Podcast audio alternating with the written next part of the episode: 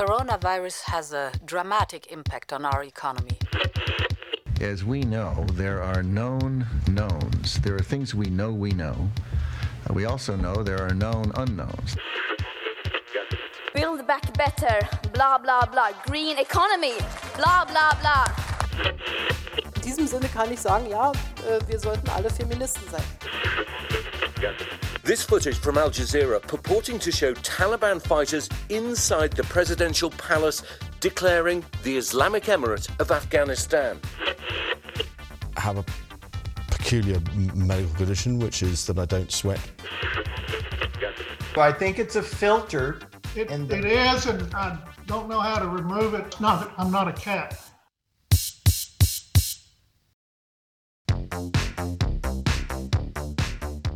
Þú ert að hlusta á heimskviður Í heimskviðum er fjallað um það sem gerist ekki á Íslandi. Ég heiti Birta Bjöstóttir. og ég heiti Guðmundur Björn Þorbjörnsson. Komið sæl, kæru hlustendur, heimskviður hilsa lögadaginn 27. februar. Ég heiti Guðmundur Björn Þorbjörnsson, þetta er 90. og 8. þáttur heimskviðna sem hóf, hófu göngu sína haustið 2019. Þetta er þáttur sem fjallar um það sem gerist ekki á Íslandi og þetta er í fyrsta sinn sem þátturinn er sendur út í beinni útsendingu hér úr efstaleitinu undir tilefnið ærið.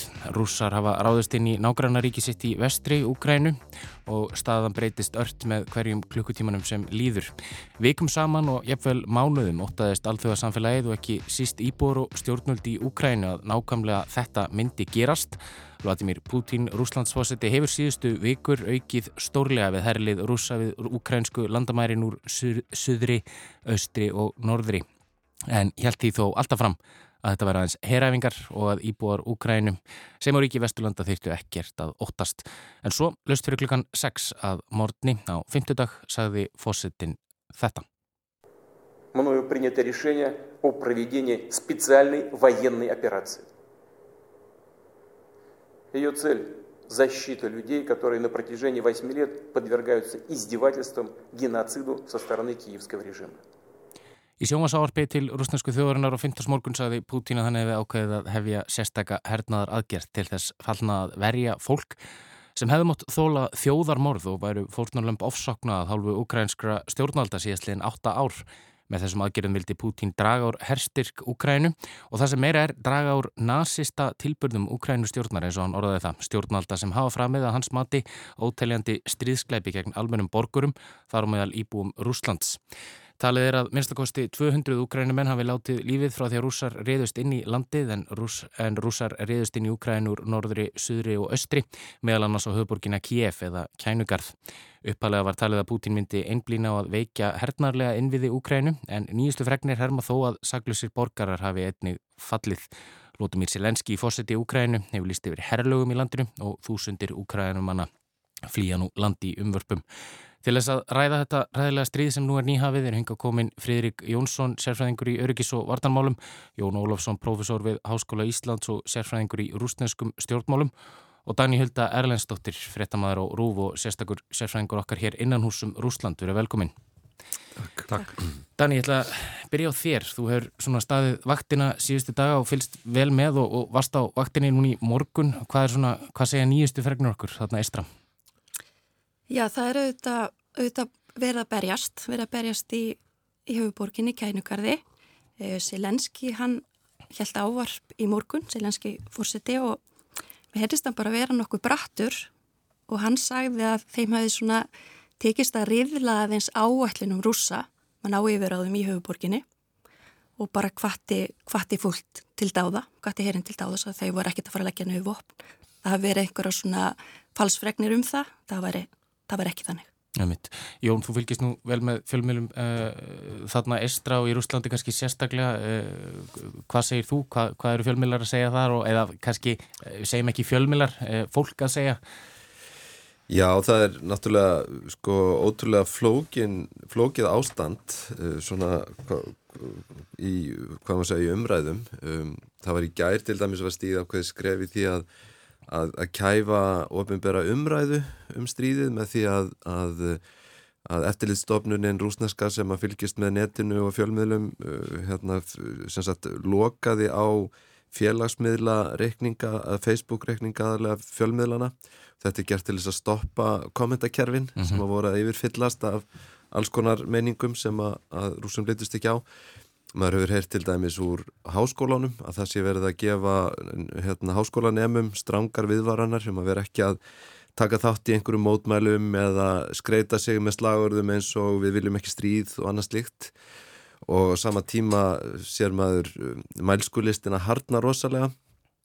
Þannig að ég held að, að sko, það er alveg greinilegt að, að það er að, að vaksa uh, ókyrð í Rúslandi gagvart stríðinu. Og svo náttúrulega það sem að sér gerast bara á á, á výgvellinum að svo maður orðið komast. Um, sko það, það er auðvitað, sömur hafa verið að segja að, að það sé eitthvað svona bakslag hjá rúsunum, það hefur orðið meiri mótstaða, meira mannfall heldur en þeir hefði ótt von á.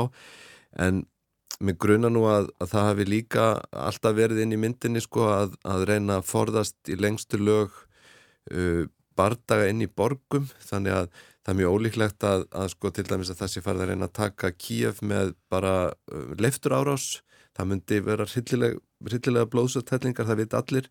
Þannig að það hlýtur að vera beði, það er, það er sjálfsagt reynt frekar að umkringja borgina og, og síðan að, að, hérna, að reyna að, að þjætta, þrengja að þeim sem þar eru. Og það var til dæmis talað um það sá ég einhver staðar í morgun að þeir sögðust hafa sagt, þeir, þeir sem er að verja miðborg Kiev sögðust hafa reynd einhvers konar áallun um að ná sér lenski og það var og, og, og, og í dag að þá er til dæmis Klitschko borgastjórun í Kiev hann er búin að sko lýsa yfir útgangubanni klukkan 5 í dag. Og það er sagt að sko hver einasti maður sem að verða á ferli eftir 5 í Kiev verði álitinn sem sagt uh, njóstnari eða einhver sem er að vinna fyrir rúsneska herliðið sem að þýðir bara skotin á staðinum mm. þannig að það er rosalega spenna á harka og klárt málað að rúsar eru bæði að reyna að sjá hvað þið geta inn í Kiev og býða átækta með að geta trengt meirað og komist nær og, og það sama er væntanlega að gerast til dæmis í, í Kharkov í austri og, og líka í söðri. Það voru fregnunum það að Melitopol hefði fallið sem var borðið tilbaka.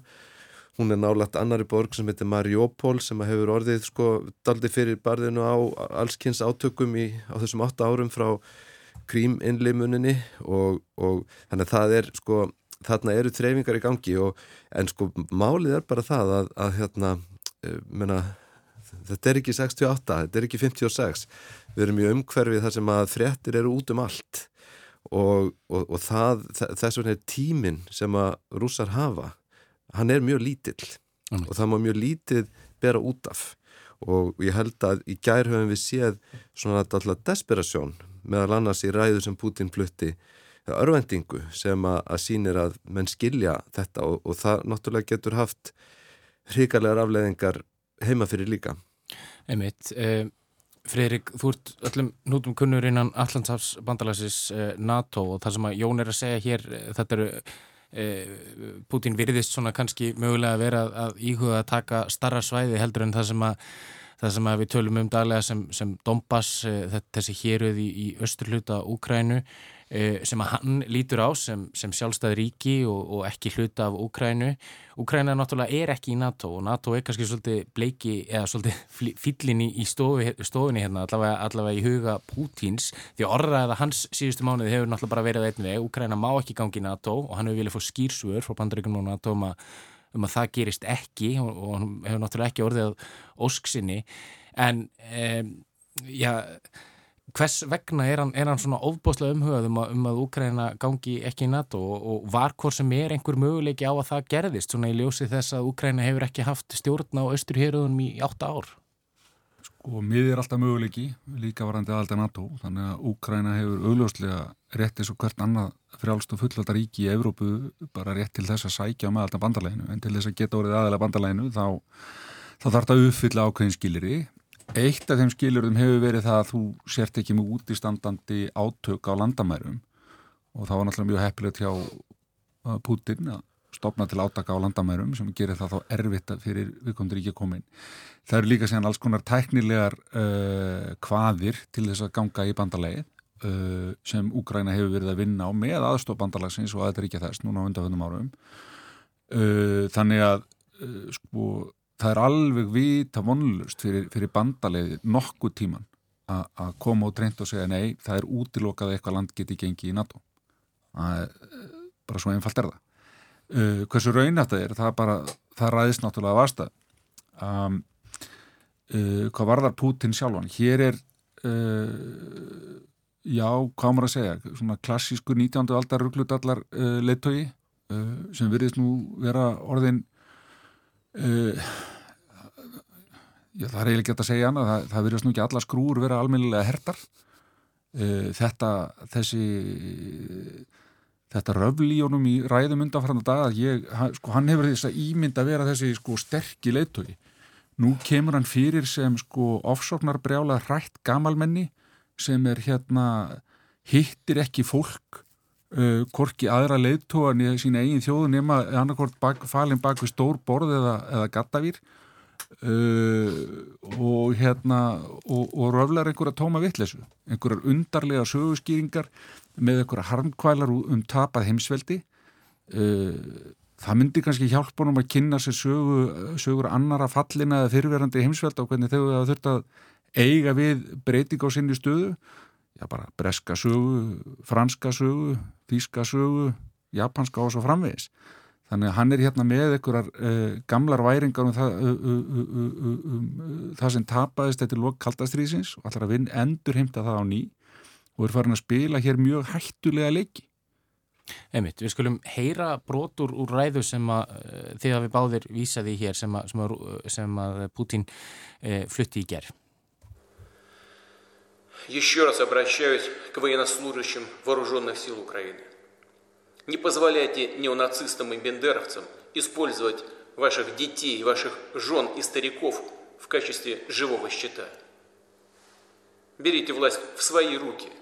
Похоже, нам с вами будет легче договориться, чем с этой шайкой наркоманов и неонацистов, которая засела в Киеве и взяла в заложники весь украинский народ.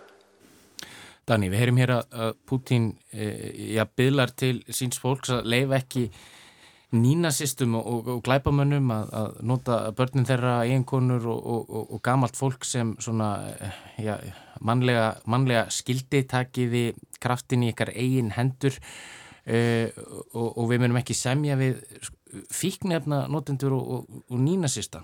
E, þetta er, Putin hefur nú oft sko sagt undarlega hlutin en þessi málflutningur er, er svolítið nýra nálinni.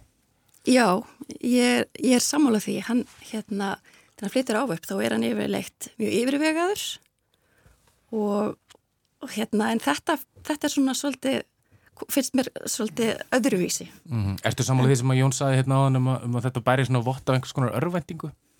Já, ég held að það geti alveg verið og, og það er svona spurning ef þetta dregst á langin, sem sagt, mótstæðan virðist vera meiri en rússar gerði ráð fyrir. Ef að þetta dregst á langin hjá rússum þá fyrir vantarlega fólki í kringum Pútín að ókýrast hvað þá er hann í vanda, það er spurning. Emmeit og við sáum náttúrulega sko, bara um leið og, leið og hann reðist inn í Úkrænu að þá, þá sprutt upp mót, mótmæli víða um Rúsland mótmæli sem að í rauninni voru ekki skipuluð en það er engin Navalni til staðar, hann er í fangilsi e, það sýnir að það er og þetta fólki á, hvaða fólk er þetta? Því að náttúrulega, eins og Jón sagði á hann, reitskóðin er mikil og það er búið að herða hana enn frekar. Já, er, þetta er bara sjálfsbrottið. E, ég rætti við kunningja minn sem býr í Rúslandi núna fyrir helgi. E, hann sagði að fymtudagurinn hafi verið versti dagur lífsins hann gæti ekkit unnið, það var bara að skróla í símanum og fylgjast með frettum og það var, það var mótmælt víða um Rúsland það voru 800 manns handtekinn hérna á 50 dag, það voru 400 handtekinn í gær. Og þetta fólk sem mætir, þetta er bara all, þeir allra hugrökkustu. Af því það er rosalega hættulegt að mótmæla. Fólki barið með kilvum, það er handjátnað það getur þurft að setja inni, það fyrir á lista yfir óeskilegt fólk Þannig að fólk er að færa miklar fórnir með því að mæta og ég held sér alveg eftir að fullir að það er fullt af fólki sem er á móti þessari innrás sem mm. mætir ekki. Mm -hmm. Jón, sér þú fyrir þér að, að sko einhver mótstaða í Rúslandi, hún skipti Putin einhver, einhver máli eða geti haft einhver áhrif á hann?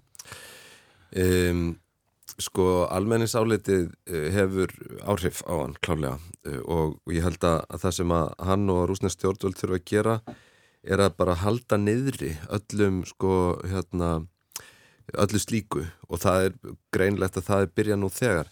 En sko ég meina eitt eru, eru er bara óhugnaður sem fólk fyllist þegar það gerir sér grein fyrir því að það er raunverulega hafið stríð.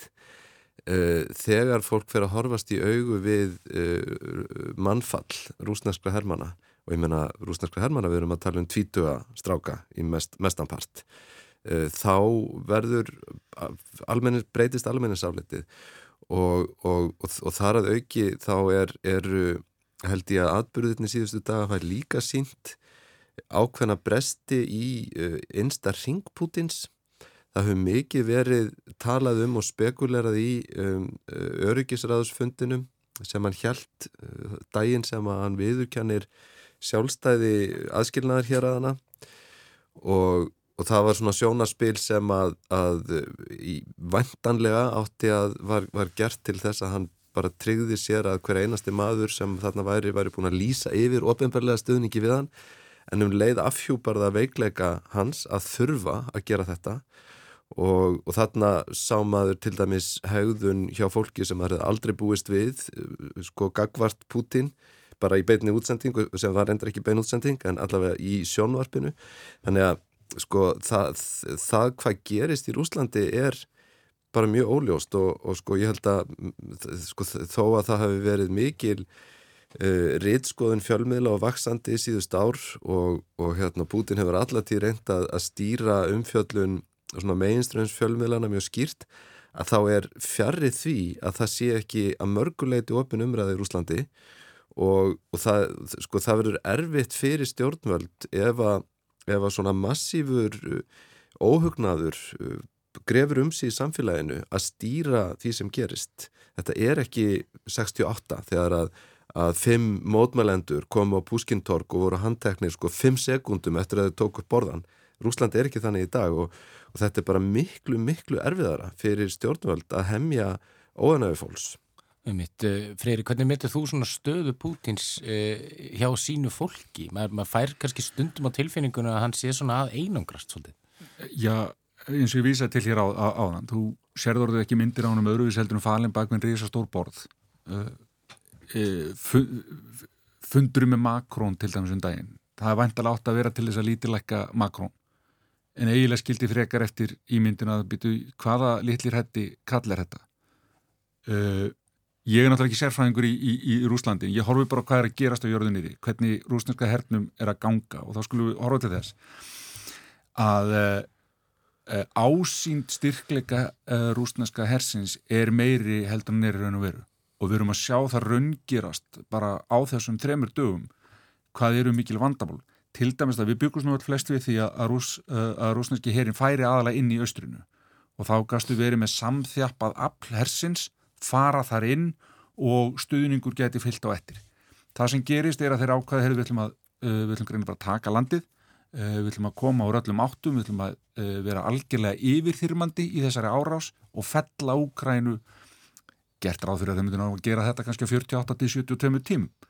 Það sem gerist í það er að koma úr norðri, úr austri og söðri á sama tíma er að það slittnar í raun og veru stuðningslínan á bakvið og við erum hún að sjá það nú þegar að fréttamindum öðrum að, að skriðdrekar og beltabílur er að verða bensinlausir eða réttar satt oljulausir á leiðinni. Hún er búið að vera að keira skemmtileg klippa núna í, í dag til dæmis af úkrænum manni að stoppa hjá oljulausum skriðdreka og þjóðvegi og spurja þurfið aðstóð, vil ég, ég drægi ykkur aftur til Rúslands og allir hlæja líka rúslandsku herrmennir. Þannig að það er ekki þetta bakkup, það er ekki uh, stuðningsnetið á bakvið hjá rúsunum, það er ekki eins gott og þeir hafa viljað vera að láta vera að láta. Við skulum líka síðan hafa í huga að þau vopp sem er verið að færa endil Úkrænu, þetta er ekki nákvæmnisvort þetta eru þungavopp sem eru ónákvæm. Ef þeim verður beitt þá er hættan á borgarlegu falli í Úkrænu uh, veruleg. Uh, Jón minnist hér á, á, á sko, hvað áhrif það hefur heim í Rúslandi þegar, þegar líkin fara að koma heim fréttir og aftur höfum við huga að fréttir allar eru litaður og óörugurann en það er samtir að tala um þegar uh, mannfalli á rúsum upp á þúsundir.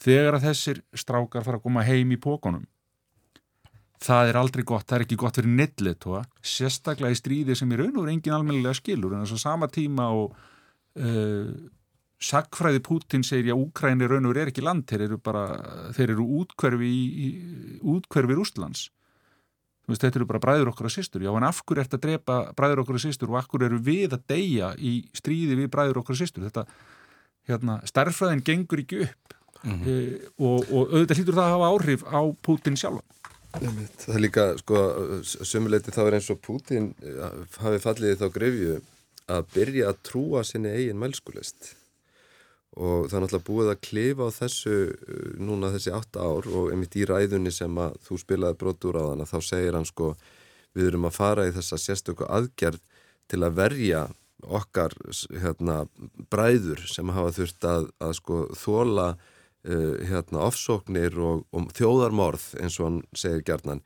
síðastliðin 8 ár.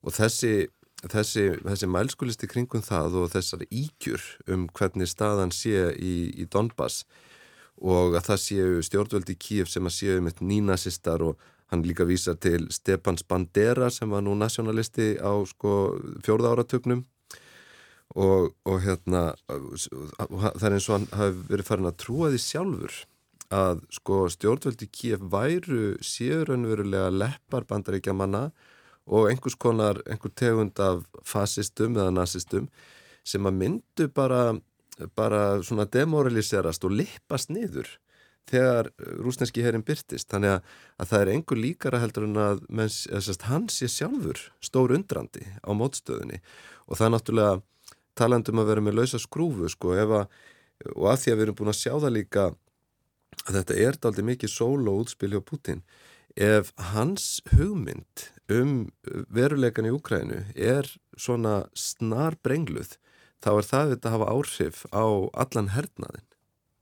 Emitt og það er náttúrulega ekki bara Pútín sem, sem að talar á þannan hátt, þetta er náttúrulega hans hans fólk uh, út um allan heim gerir það og, og, og, og hvort sem þau trúa því sjálf eða ekki. Dani Hölda, þú, þú tóst viðtal við Mikael Norskov, sendi herra Rúslands uh, hér á Íslandi í vikunni. Skulum, þú spyrðan þarna, uh, rúsar hafi sagst þeir ætla ekki að ráðast inn í Ukrænu og svo, svo spyrðan hva, hvað breyttist? Что изменилось? Это не совсем вторжение. и не на территорию, именно вот на Украину. Вы знаете, какие события предшествовали этому решению президента Российской Федерации Владимира Путина. Þannig að segir hann, þetta er ekki yfir höfuð innrás á yfiráðsæði Ukræn og, og segir svo þið vitið hvaða atbyrðir lettu til þessar ákvörunar Vladimir Putins uh, Rúslandsforsetta. Hvað hann við þarna? Uh, ég býst við að það séu þessi e, eins og Putin hefur orðaða þjóðarmorð í austur hluta Ukrænu mm -hmm. sem er verið að vísa til. Þetta sé sem sagt aðgerð til að vernda bæði rúsa í austurhlutanum og líka bara þessa hættu sem hann segist telja stafa af innrás. Mm -hmm. Já. En hann er nú, nú pennmaður Naskov sko og ég tek strax eftir orðalæginu menn að þegar, að, þegar Putin tala þá segir hann þetta er ekki innrás en hann segir að þetta er ekki benlínis innrás og það er nú svona aldrei sérkennilegt sko að hlusta það það er svona ákveðin viðkenning fólkin í því Já. að reyna einhvern veginn að tala í kringu það en, en maður heyrir strax að maðurinn veit betur. Já, já. Svo, svo spyrðan út í, í refseðagirir, eh, alþjóðsamfélagsins, eh, kakvart eh, Rúslandi og, og ja, spyrð hvort að rúsar óttist þær ekki? Многие страны объявили санкции. Вы боитесь эти санкции? Нет. Мы уже привыкли, ведь мы живем под санкциями не только с 2014 года. Санкции действовали и в отношении Советского Союза, и в 70-е годы, и в 80-е. Наша экономика, кстати, очень хорошо уже адаптировалась. Nei, hann óttast þær ekki, Dani. Hva, hvað segir hann þetta? Ja, hann segir að rússar hafi bara vanist því að þeir séu beittir efsæðagerðum. Það hefur gert síðan 2014, það hefur gert á tíma Sovjetríkjana og þeir bara hérna aðlægist og hann tilur að refsaðgerðina sem ríkin beita, þau bytni rauninni frekar á þeim mm -hmm. sem beitið maður því að þetta virkar náttúrulega báðar áttir.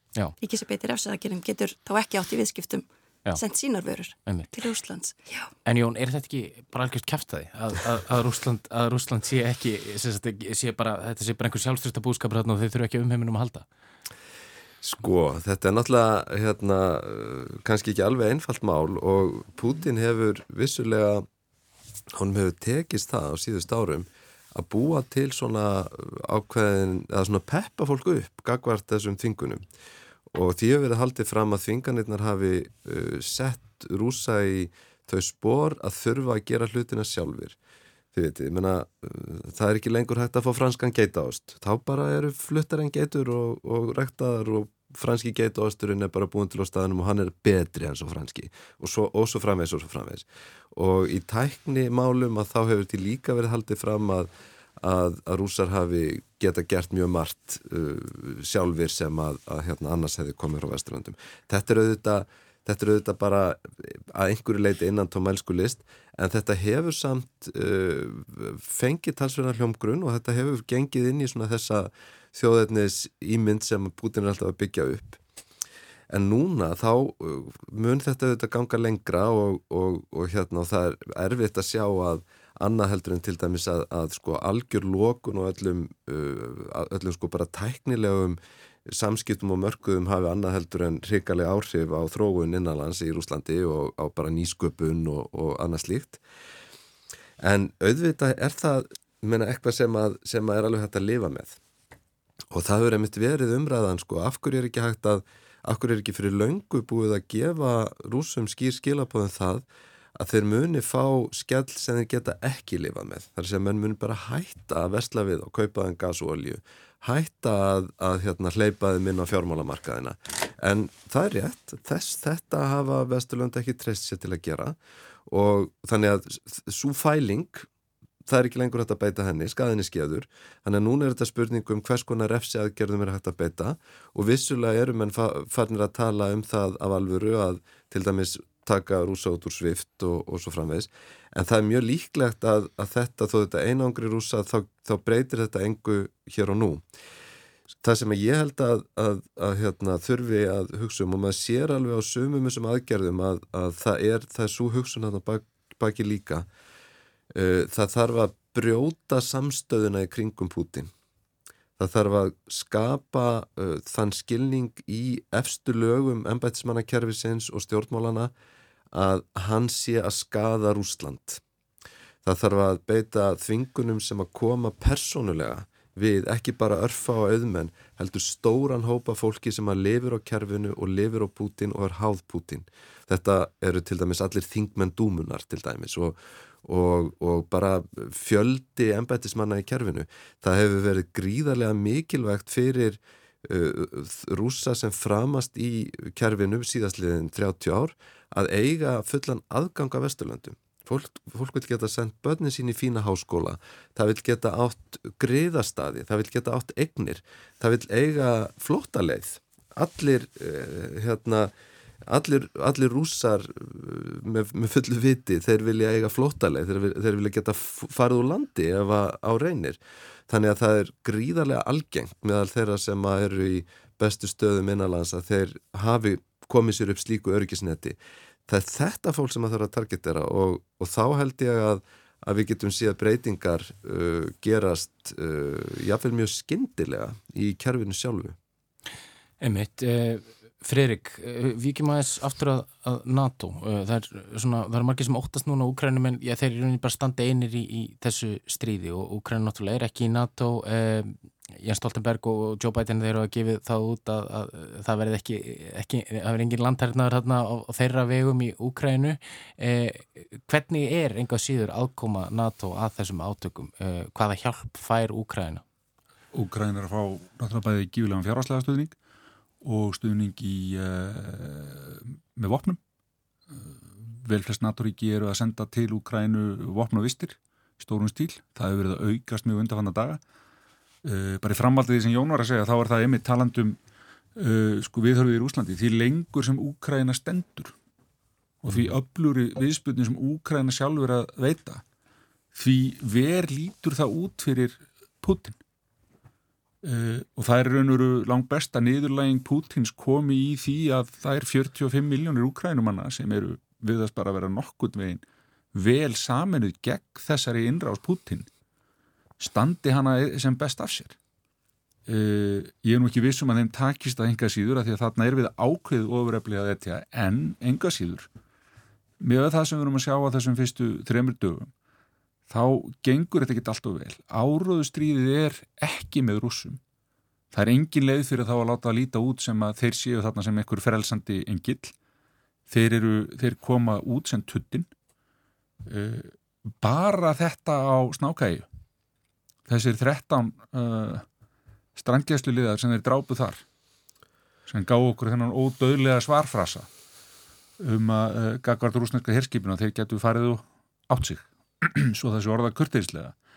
Þetta uh, orð eru dýr og þessi eru rosalega dýr. Hvað var það að segja hvað NATO er að gera að öðru leiti uh, NATO hefur vantilega aldrei verið jafn saminað eins og í dag. Pútin er búið að takast það sem að kannski NATO sjálfu hefur ekki tekist í mörg ár og það er að fullkomlega samin að bandaleg gegn Rúslandi. Það er engin evi, það er engin vafi jújú, jú, einhverju deila um það að það er svona híkandi með hvað er að gera, hversu mikið er að gera til og með sem svo varandi svift en allar þær anstöður er að falla með þess að kýpur í morgun, notabene sem er ekki NATO-ríki, er búið að gefast upp í sviftmálinu. Þetta er svo augljóst, þetta er svo yfirþyrmandi og þetta er svo ógeðfælt. NATO lýsir því yfir þetta leðtóðafundin í gær, Jens Stoltenberg segir í, í að bladamannafundi og kemur fram í yfirlýsingu leðtóna það er búið að virkja allar varnar áallanir bandalagsins. Það er verið að flytja herlið austur. Þannig að ef til þess kæmi að einhvað gerðist meira sem við skulum ekki útlöka því að enn og aftur Ég held að við mörg hverji aðdragandurum að þessu, þessum átökum hafum verið að gera ráð fyrir einhvers konar skinnsemi í því sem Putin var að gera. Að hann væri hérna svona einhverju mistari í, í, í strategi og væri rosalega útöksaður nema hvað það sem við sjáum enn og aftur á síðustu dögum er bara, heyrðu, þetta er bara einhver rugglitallur.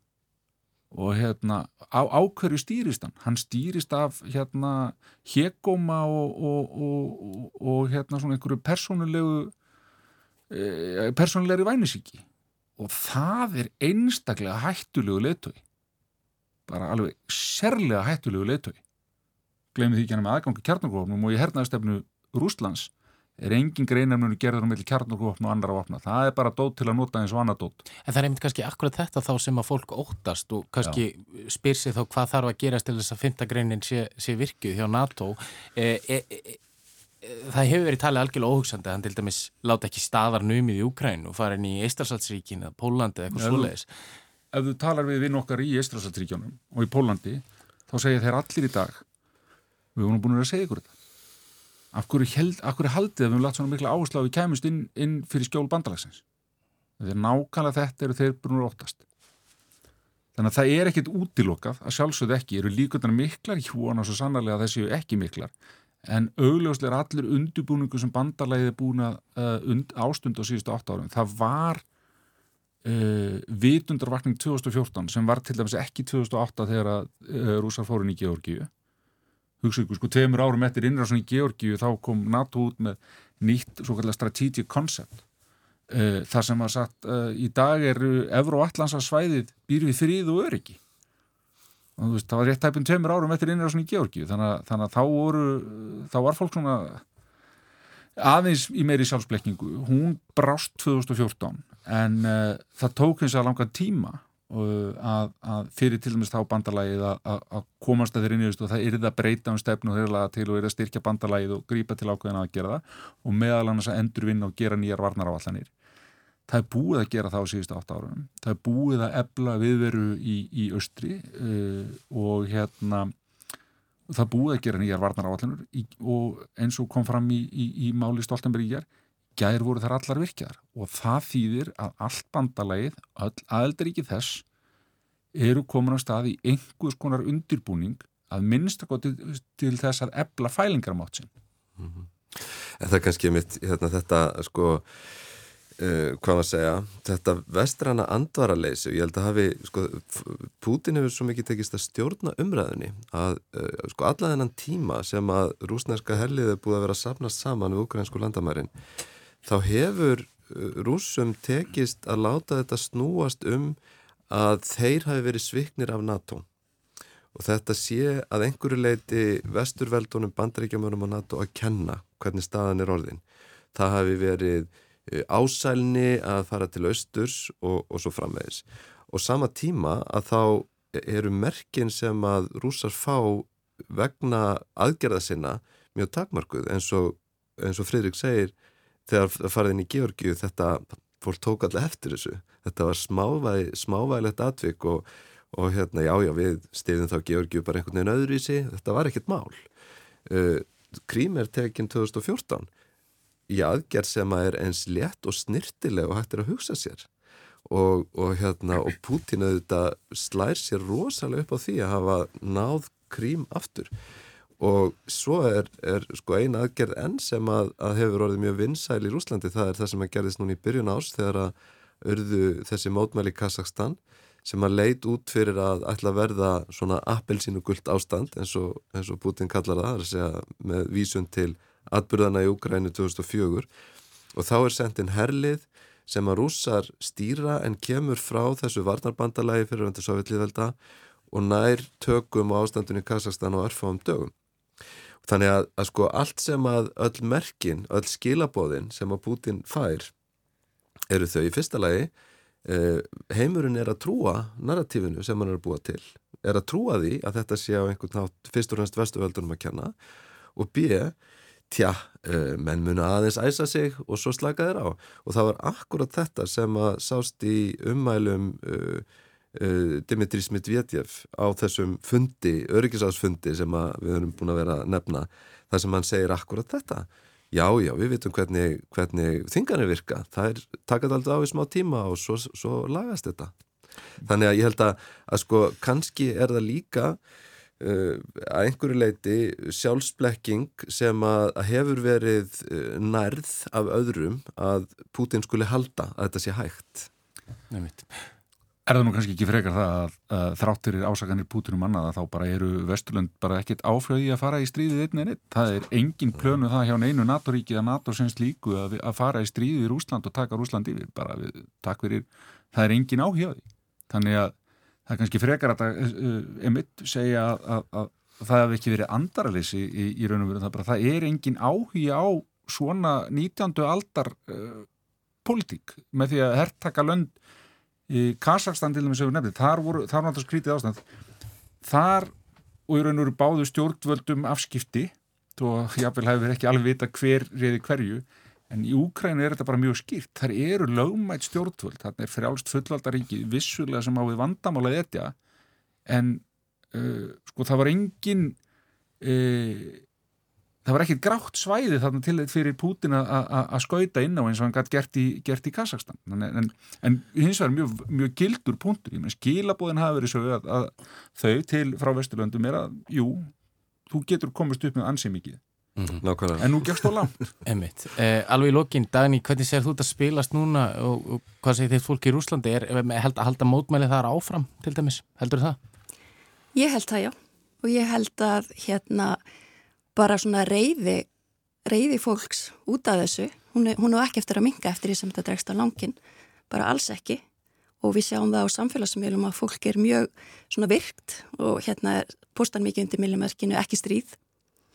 Og ég get ekki segja annað en að það bara, það bara haldi áfram. Og svo, svo er spurning hvort fólk fara út á götur og mótmæli. Einmitt. Þetta heldur uh, áfram og, og við heldum áfram að, að fylgjast með þessu og öllum okkar meðlum kæra þakki fyrir komuna í heimskuður Jón Ólason, Freyri Gjónsson og Dani Hulda Erlendsdóttir. Við heyrjumst aftur í næstu vikum.